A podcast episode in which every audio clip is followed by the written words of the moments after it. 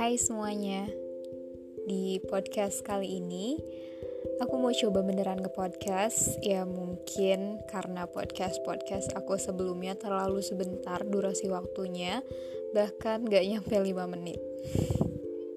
So, I decided to make this podcast I'm gonna talk about my feeling lastly And it's about friendship Jadi akhir-akhir ini aku ngerasa there is something that very disturb me. Dan parahnya, itu karena teman dekat aku sendiri yang sebelumnya udah aku anggap as my best friend. Karena kita temenan udah lama banget. Tapi tiba-tiba aku nggak tahu kenapa dia unfollow my Instagram and when I meet her, she look like didn't want to meet me. Ya, yeah, I can look how her face. Dan parahnya, when I try to talk her, when I try to start conversation, itu udah bener-bener gak direspon sama sekali. Dan sampai sekarang, I never know why.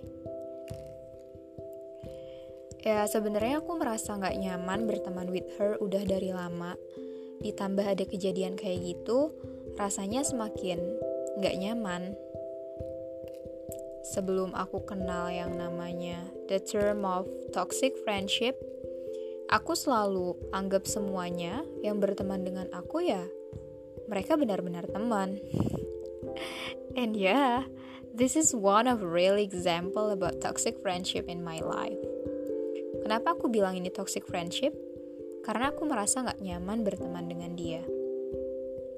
Tentunya, ya rasa gak nyaman itu ada sebabnya. Menurutku, salah satu sebabnya adalah she can't support me to achieve my dreams. Justru dia kayak sering ngejatuhin aku dan itu parah sih. ya, I'm a girl, I'm 19 years old, and I need some people around me who can support myself to achieve my dreams. But she can't do it.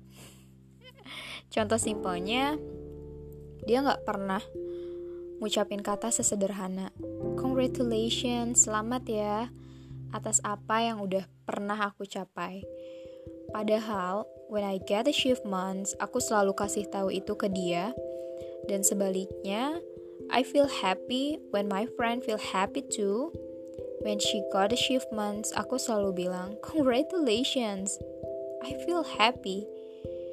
Aku selalu support dia dengan kata-kata yang menurut aku bisa menambah semangat dia.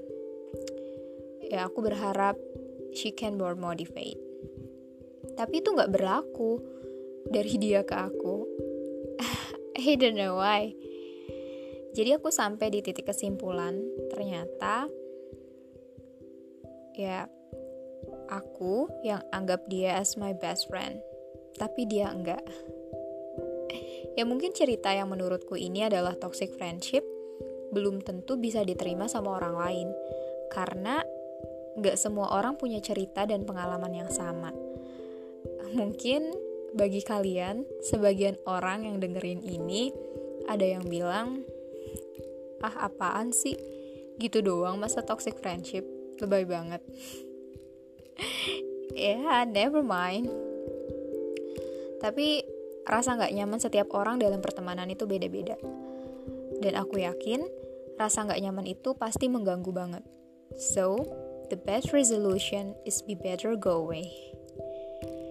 Ya wajar aja sih kalau merasa nggak nyaman dalam cycle pertemanan tapi kalau frekuensi dari rasa nggak nyaman itu terlalu sering, menurutku itu udah nggak wajar. Setiap orang uh, pasti punya cara masing-masing menghadapi cycle toxic friendship ini. Ya begitupun aku. Rasanya buat deket yang sedekat dulu itu nggak deh. Dan mungkin ini kedengerannya parah sih ya when I know exactly that there's my friend yang menurut aku toxic buat diriku sendiri, biasanya aku mute story dia dan yang lebih parah aku bisa hapus kontaknya. Tapi nggak pernah sampai aku blokir sih. But I feel better ketika aku melakukan itu. Dengan aku nggak lihat apa pun tentang dia, I feel better. Oh ya, yeah. um, toxic friendship ini jangan dilihat dari cover seseorang. Karena belum tentu orang yang kita bahkan orang lain lihat dari covernya udah nggak baik, belum tentu dia tuh toxic. So please don't judge someone just from his cover. Bisa jadi dia lebih baik daripada orang yang terlihat baik. Dan menurutku, toxic friendship itu juga nggak cuma dari hal-hal yang negatif hal positif juga bisa jadi penyebab toxic friendship. Contohnya, aku punya teman yang dia tuh kerjaannya almost every day kalau buat story di media sosial selalu show up everything yang dia punya dan mampu. Kita nggak pernah tahu ya niat seseorang itu kayak gimana. Ya mungkin sebenarnya niat dia baik. Maybe she only motivate us atau apa pun itu aku nggak tahu tapi setelah aku lihat terus-menerus, aku merasa gak nyaman. Sometimes I compare myself with her, dan exactly I realize, wah, ini udah gak sehat sih. Dan akhirnya, aku mute story dia, dan lama banget gak aku lihat-lihat lagi. Dan sampai sekarang pun, kalau nggak sengaja lihat, rasanya ya udah biasa aja.